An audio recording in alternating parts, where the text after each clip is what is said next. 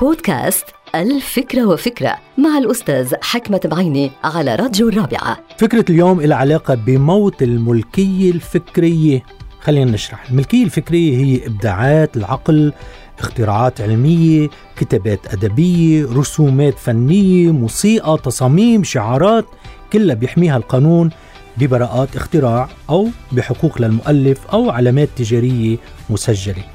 يعني أنه ملكية شخصية أو معنوية تمنح المؤلف والمبدع حقوق بيستفيد منها تجاريا وماليا ومعنويا.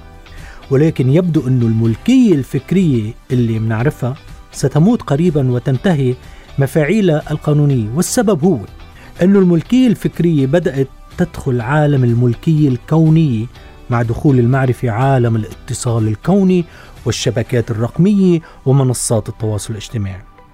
العقل البشري كان ولا يزال جزءا من العقل الكوني ولكن الملكية الفكرية لهذا العقل باتت مهددة من الصعب الحفاظ عليها. إنه برأيي أصبحت حاليا جزء من الملكية الكونية بمعنى آخر أصبح من المستحيل على صاحب الملكية الفكرية إنه يدعي امتلاكها لأن جزء من ملكيات فكرية أخرى متشابكة ومتناقلة ومنقولة من خلال ال copy and paste كلكم تعرفوا في هذا العالم ال copy and paste شغال عم بدخل ملكيات فكرية متنوعة ومتناقلة ومنقولة بعضها ببعض. أعتقد إنه الملكية الفكرية ستصبح جزء من الملكية الكونية وهذا شيء جيد ومفيد. هذه الحلقة مقتبسة من كتاب ألف فكرة وفكرة.